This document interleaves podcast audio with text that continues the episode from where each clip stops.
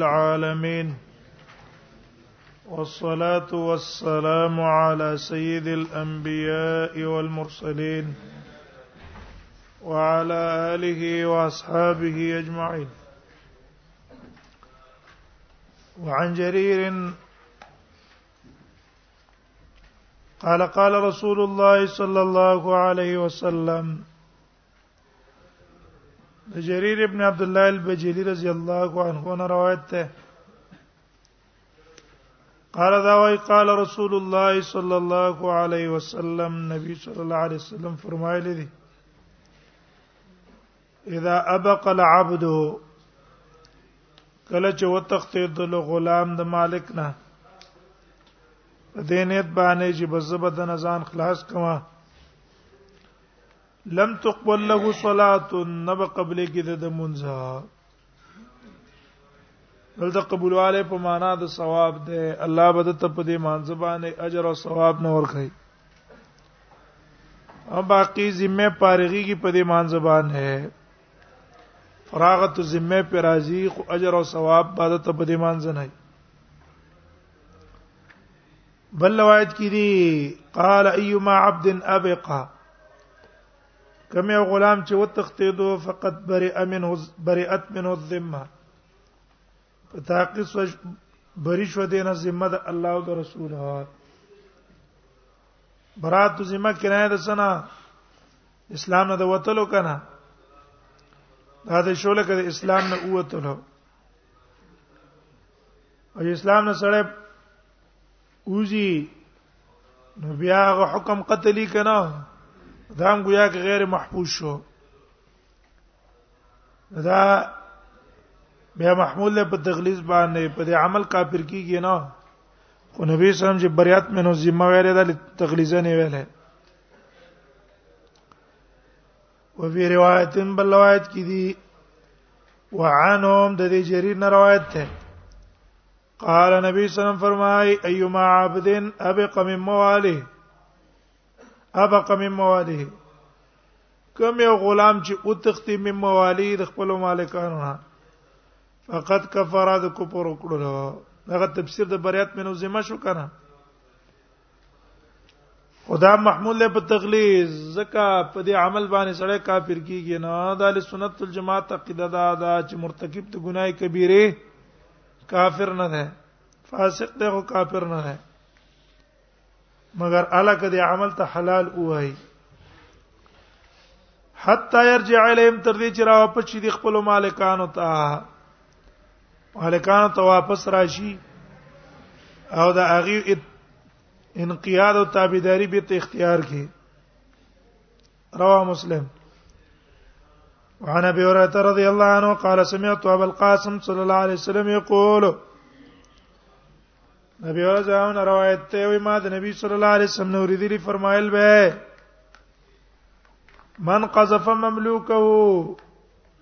ان قذفها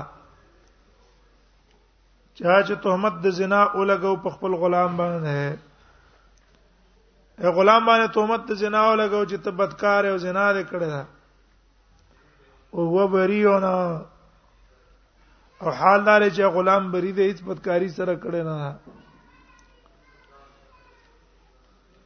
مما قال د اغنه چې دا مالک دغه په بارک کې وایي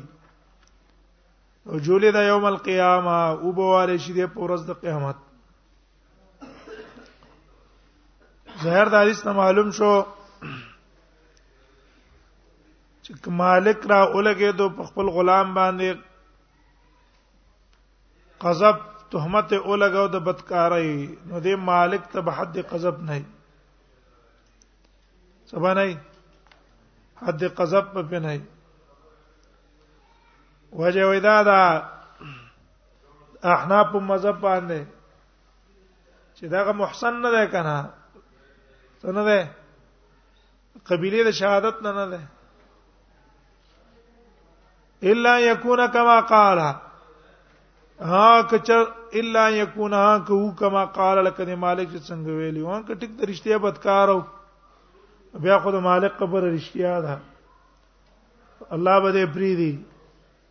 او کنا هغه بدکاری نه وکړي د پیسې تهمت د بدکاری لګاو نو د قیامت پر ورځ باندې با اغلب بدل واغستل شي متفقون علی وعن ابن عمر قال سمعت رسول الله سم يقول عبد الله ابن عمر نه روایت ته ما د نبی سم نو ورېدلی فرمایل به من ضرب غلاما له حدا چا چې و غلام له غلام د د حدن په حد لم یات چې دراتلو ته نه کړي غلا نه دا کړي بدګاری نه دا کړي شراب نه دي سکلي او یارا لګي اسی به سي وای او لتمغو یې په څپېړو باندې وو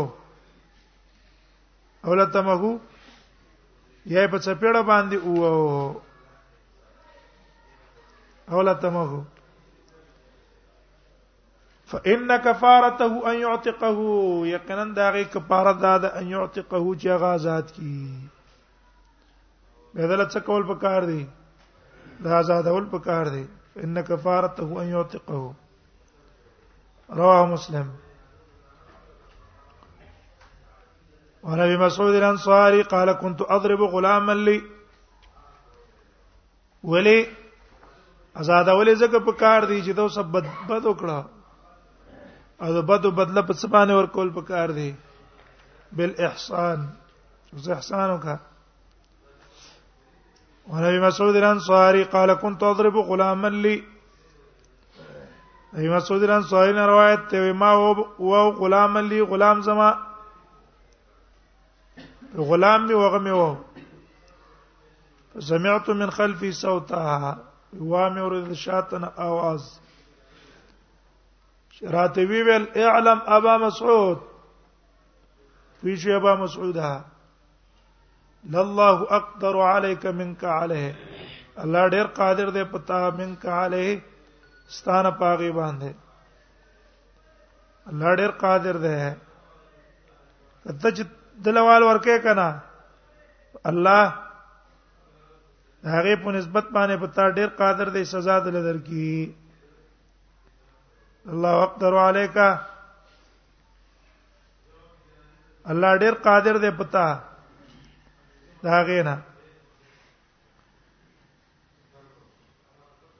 نو فلتفت چې ما وکتل فیزا هو رسول الله صلی الله علیه وسلم نبی صلی الله علیه وسلم جماو کته نبی صلی الله علیه وسلم فقلت ما تريد الله پیغمبر کو حر لوجه الله اوس ما دا غلام دی ازادي دی الله درزا ده پاره سزات مې کو فقال نبی صلی الله علیه وسلم فرمایلا اما لو لم تفعل کتا دا نه وکړه ذات کړه دا نه و للفحت کنا رو سزل به تعالی رور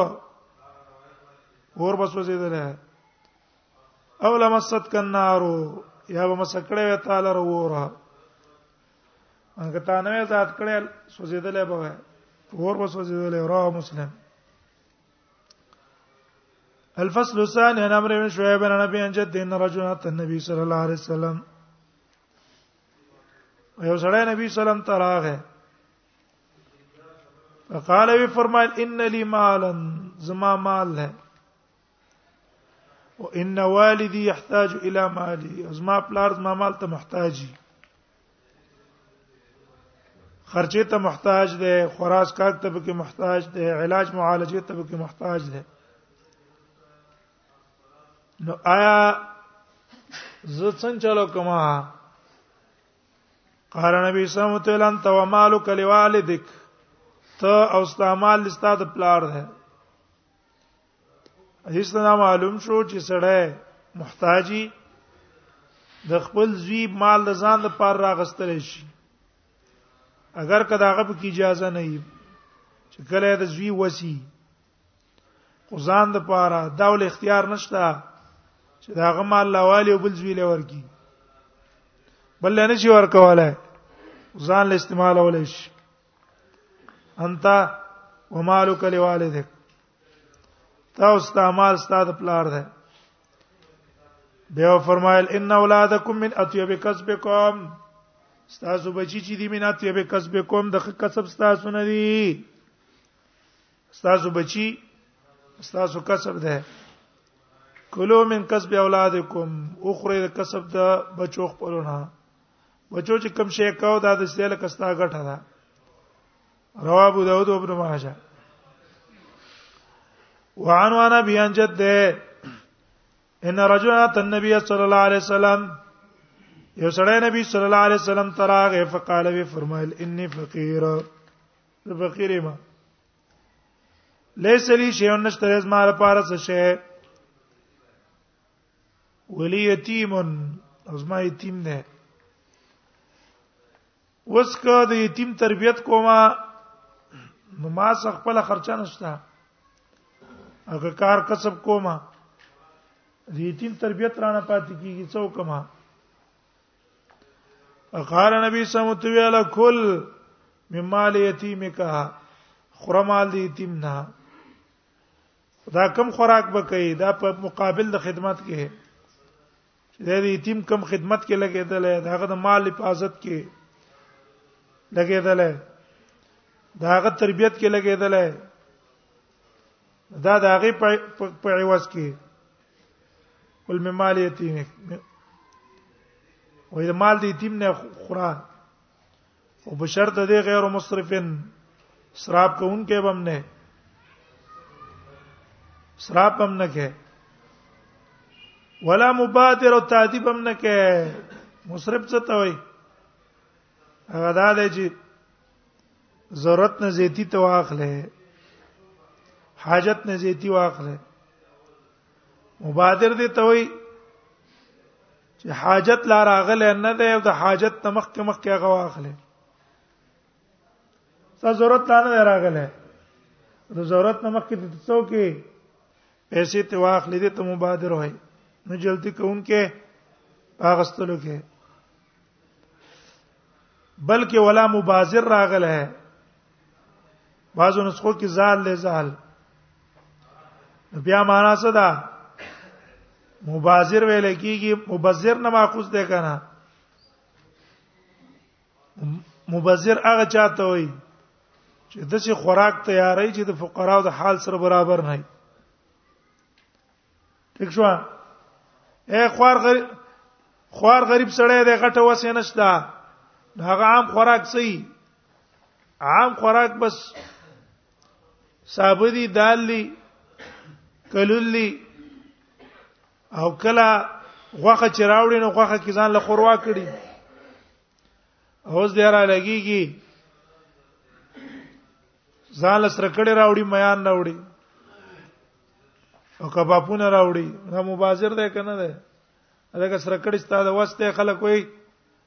او یو تن چې د غریبې نه جرند ګرځیدل او د مستې نه څنګه اغست مز نه اغستو داغه مبازری خپل واسطه ګوره چې ته څونه ول وس مطابق باندې چلےګا خپل حال مطابق چلےګا ولا مبادر او ولا متأثل دا چې کله زال پکې واخلې خو لیکن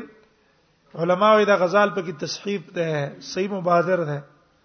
مبادر دې ته وي د ضرورت نمخ کې استعماله ضرورت دلانه راغله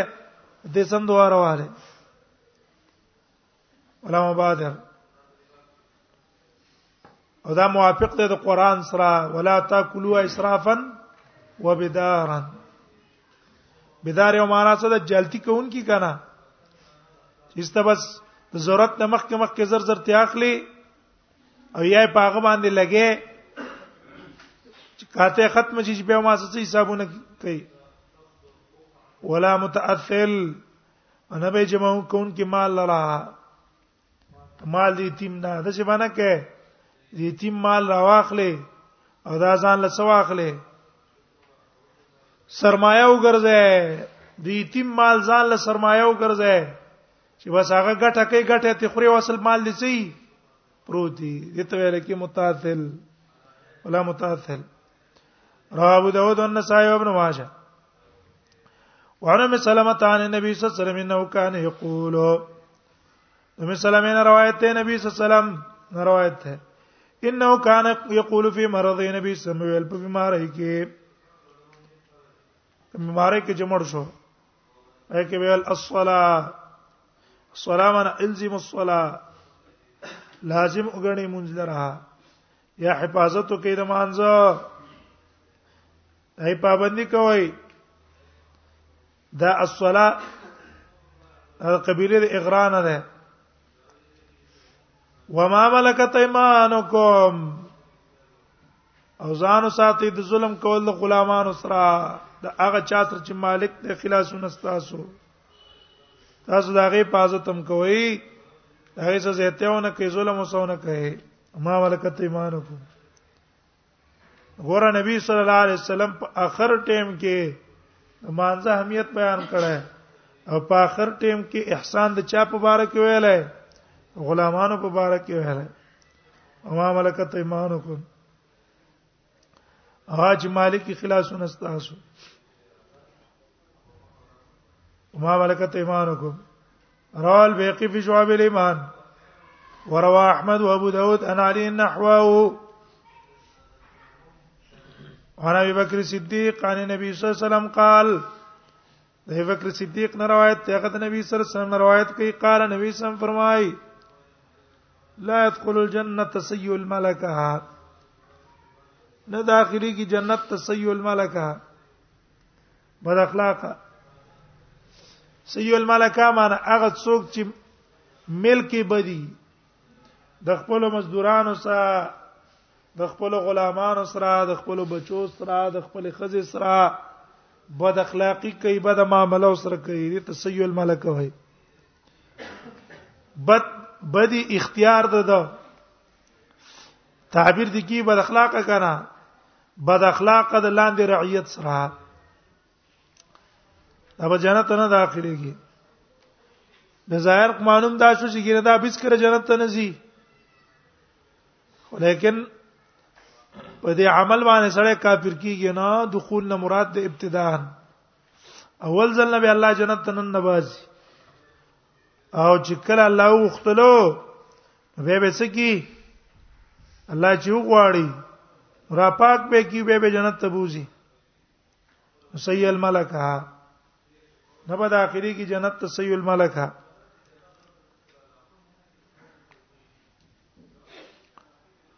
بد اخلاق نزي وانا به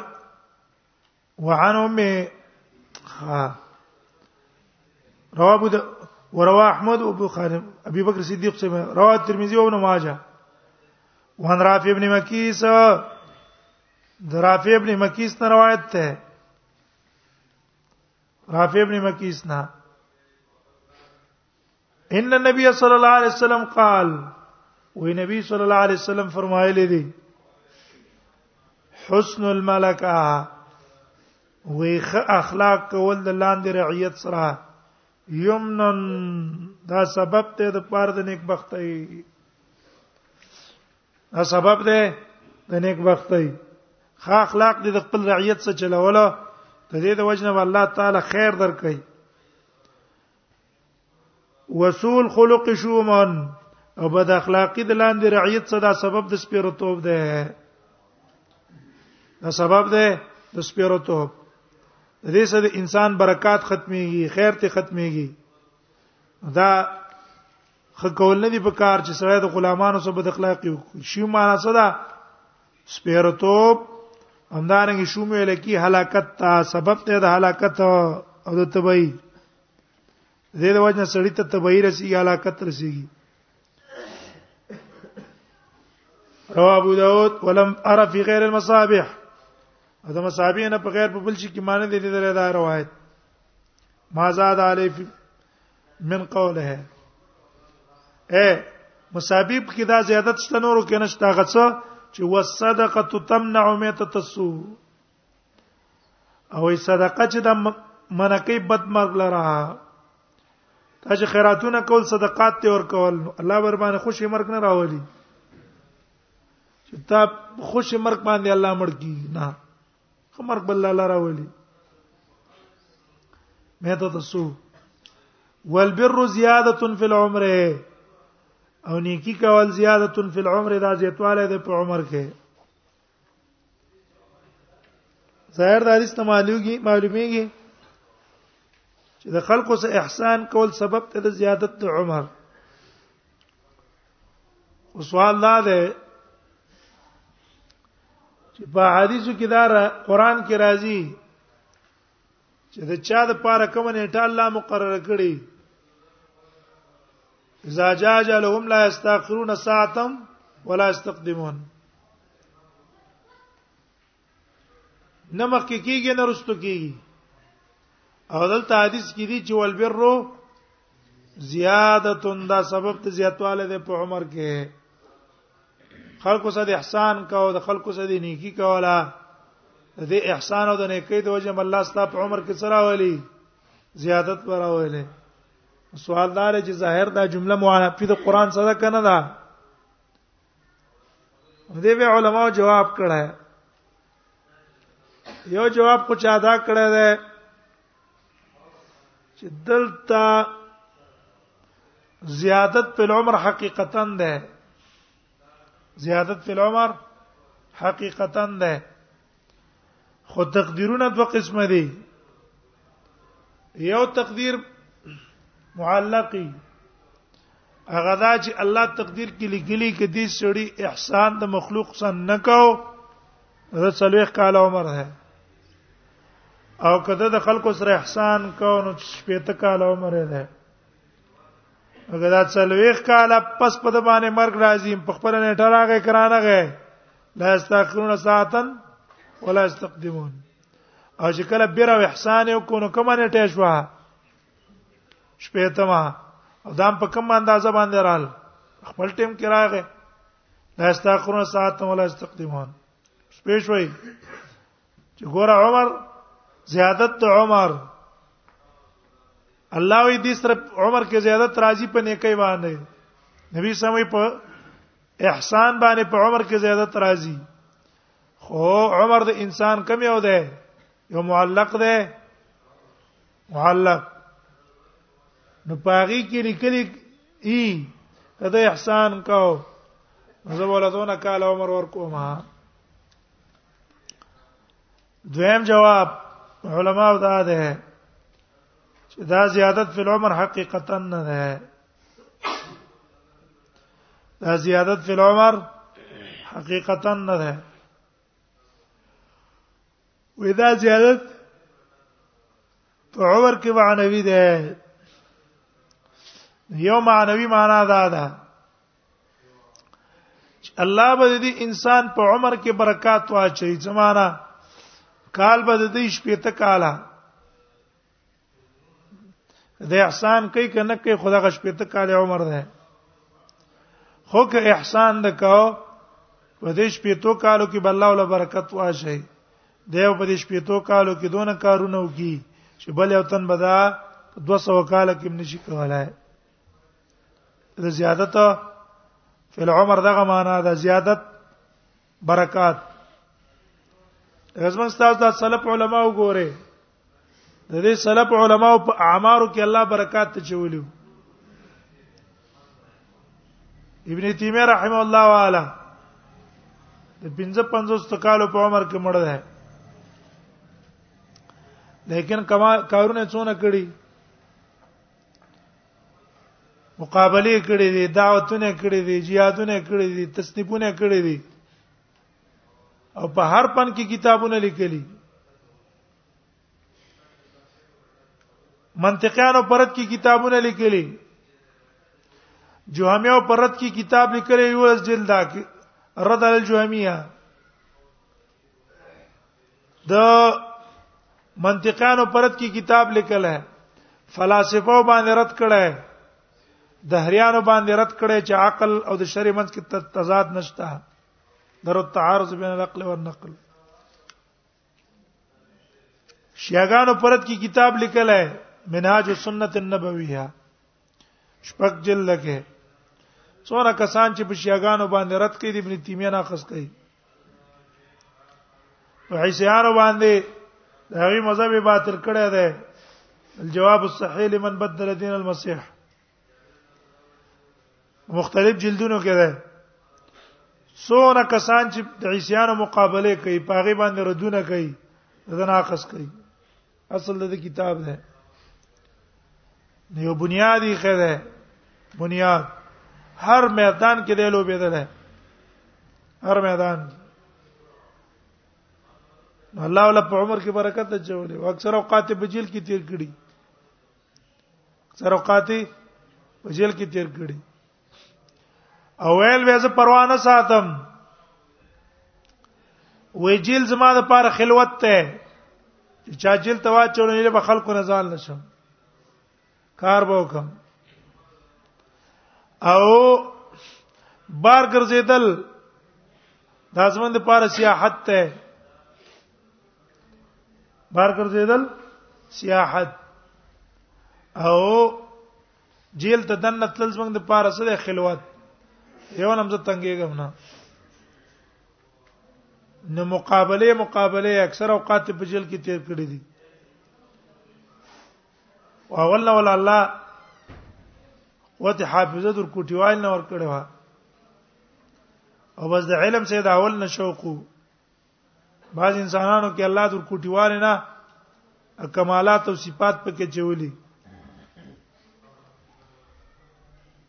کوټیواله نه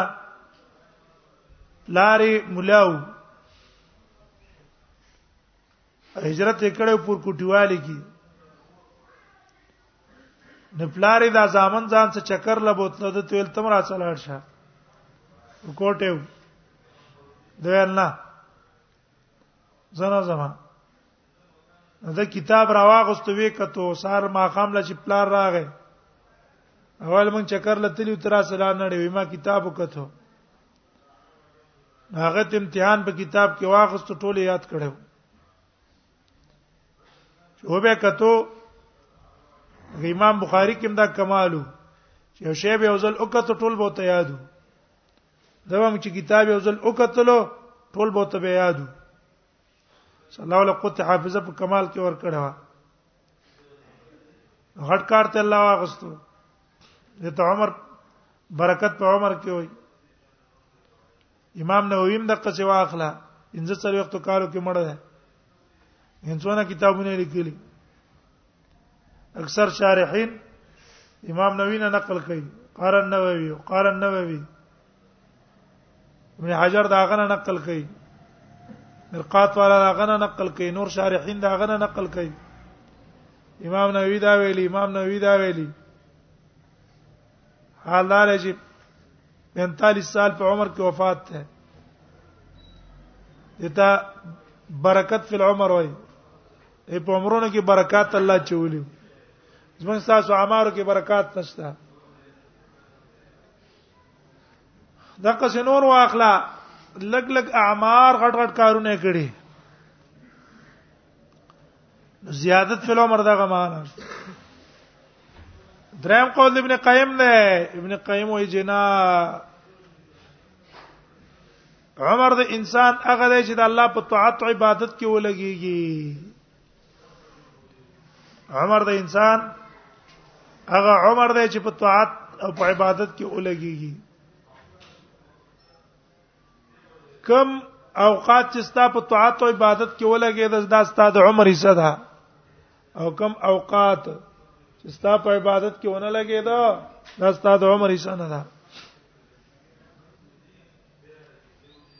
نو زیادتن فی العمر معنا دا ده د نیکی د وجنه به الله تعالی توفیق درکې ستا اوقات په پڅ کې لګيږي الله طاعت او په عبادت کې بلګيږي الله په طاعت په عبادت کې بلګيږي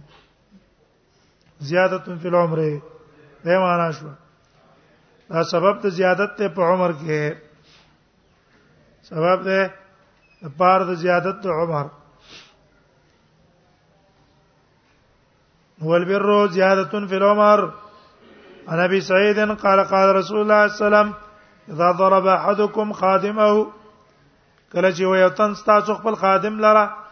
ذکر الله او تعالی یاد کو ته وی چې الله له یازو کا فرفع ایدیکم بیت لاس پورته کړئ ٹھیک شو بیت لاس پورته کا ولی د دینه بعد بیا بس ده کنه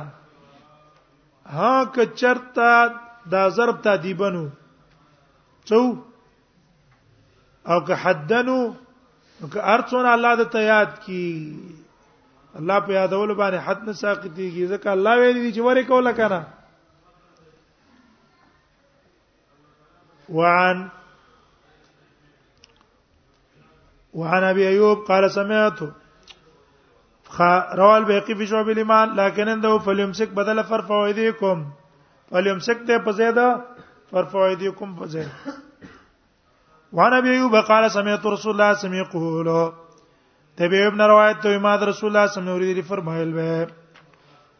من فرق بین والدته و ولدها چا جدای راوستل په مابین د پلار کې بین والدتن په مابین د مور کې ولدها او د هغه د بچی کې اے ان زدا ستا تراوله کې ست بچی ته خرج کې خزه دل تفرې ده یا د امور په یو خرچه کې بچی په بل باندې خرج کې نو سبو کی فرق الله بینک و بین حبته الله به جدای راولي ما بین د دا او د دوستانو کې پورز د قیامت ولې ته دا غیو بل نه جدا کې ټول یو کې ورکه دیر پار چې څه کوي یو بل باندې اونس پیدا کوي کنه یو بل باندې سات چلای اونس مینه پاسه نه ته دونه سخت زړه سره چا پروانه ساتي الله بستاو د دوستانو په منځ کې چې هغه دوستان سات څوک دی هغه بچیم دي دي کنه احبه څوک دی هستا بچی دی بچی دا بل الله تعالی جدا کی حدیث نه دا معلوم شو چې دقه سبع جائز نه ناروا ده دقه سبع جائز نه ناروا ده وعن علي قال وهب لي رسول الله صلى الله عليه وسلم غلامين اخوان عین روایت ته نبی سمات هبه کړ دو غلامان دوه رونو غلامین دو غلامان اخوین چې خپل منځ کې رونو بیا ته اده ما ما پکې یو خرج کړلو فقال رسول الله سمع علي ما ته نبی سمع علي ما فعل غلامک څه چې څوک ستا غلام هر غلام څه دي څوک کړه فخبرت مولا خبرو کو چې اې د الله نبی یو می خرج کوته فقال رد رد واپس کو واپس کا دا دلیل دی دا هغه علماو د پاره چې دورونه خرڅولم جایز نه دي کلمه مشب مذهب هم دا ده کنه هدايه کې مې ویل کتاب الویو کې او امام صاحب پنځ جائز خو لیکن د حدیث په سری دلیل لرو درو واپس یې رواه ترمذی او ابن ماجه امام ترمذی او ابن ماجه روایت نقل کړه وان وان نو فرق بین جارت و ولدها د جدای را وسره په بین دی وین زکه ولد یو داغه د بچی کی فناو نبی صلی الله علیه وسلم ذالک نبی سم دې نمن کړو فرد البيع او بيع ته سکړه واپس کړه رواه ابو داود منقطعا وعن جابر النبي صلى الله عليه وسلم قال ثلاث من كن فيه ودري خو نه دي چا کی چیو یسر الله حتفه الله به آسان کړي د مرګ وادخله جنته داخل وکي در جنت تعرفكم بزعيب یو نرمي کول دي زویب سړی سره زویب سړی څه ته نرمه نه کار اخلي وشفقه الوالدين دویم شفقت ته په مور او پلار احسان الى المملوك او بل احسان کول د غلام سره غلامانو سره احسان کې دې پوجا بل الله ستاسو امر کسان کوي ورابي امامه رسول الله صلی الله علیه وسلم ابي امامه روایت ته رسول الله صلی الله علیه وسلم وابلی علیهم غلاما ورکړو علی ته غلام فقال او تو لا تضربون به فإني نهيت عن ضرب أهل الصلاة زکه زمنه شوی مده وهلو د مانزه والاونه وقد رأيت يصلي وما لدل چې د سکاو د منځ کاو هذا لفظ المصابيح وفي المشتبه للدار قطني ان عمر بن الخطاب قال عمر بن الخطاب نهانا رسول الله صلى الله عليه وسلم بالمصلين نبی صلی الله علیه وسلم موږ کړی وهونکو د مونږ کوونکو نه د الله عبادت کوي چې به نه وي نرمي به وسکه وراد الله ابن عمر قال جاء رجل النبي صلى الله عليه وسلم يوسف النبي صلى الله عليه وسلم تراغه فقال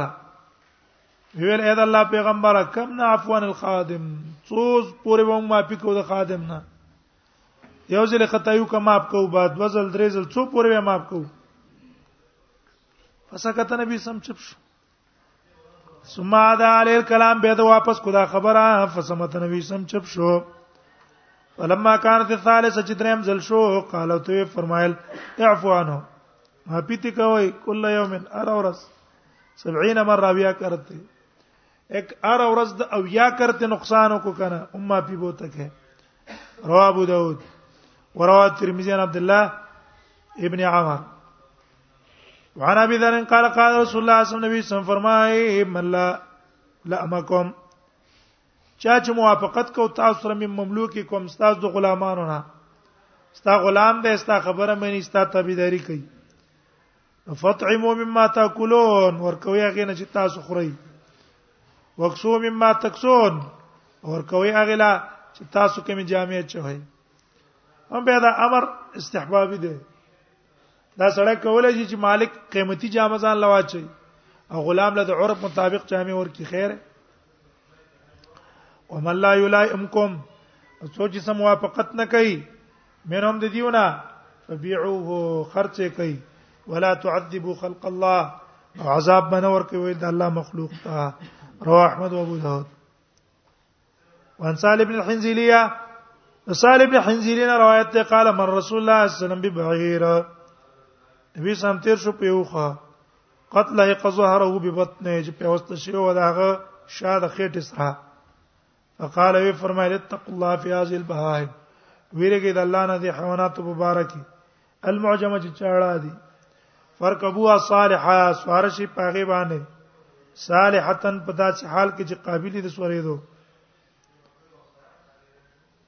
وترکوا صالحا او پرې دی هغه لره په داسې حال کې چې قابلې د ګرځې ده له سورېګم په داسې حال کې په سور شه چې دا دی وړې شي او دا چې مکه وا چې تاسو نه ستړي کړي دا چې دا رسیدو سې ستاغم ډډه واچي بیا نه د خوراک دا غیا وخوري او نه د وبوس کلی نه دونه مزل په وکړه چې دا قابلې چې ته ته کوشش کته ته لری کې هغه قرار ال تګرځي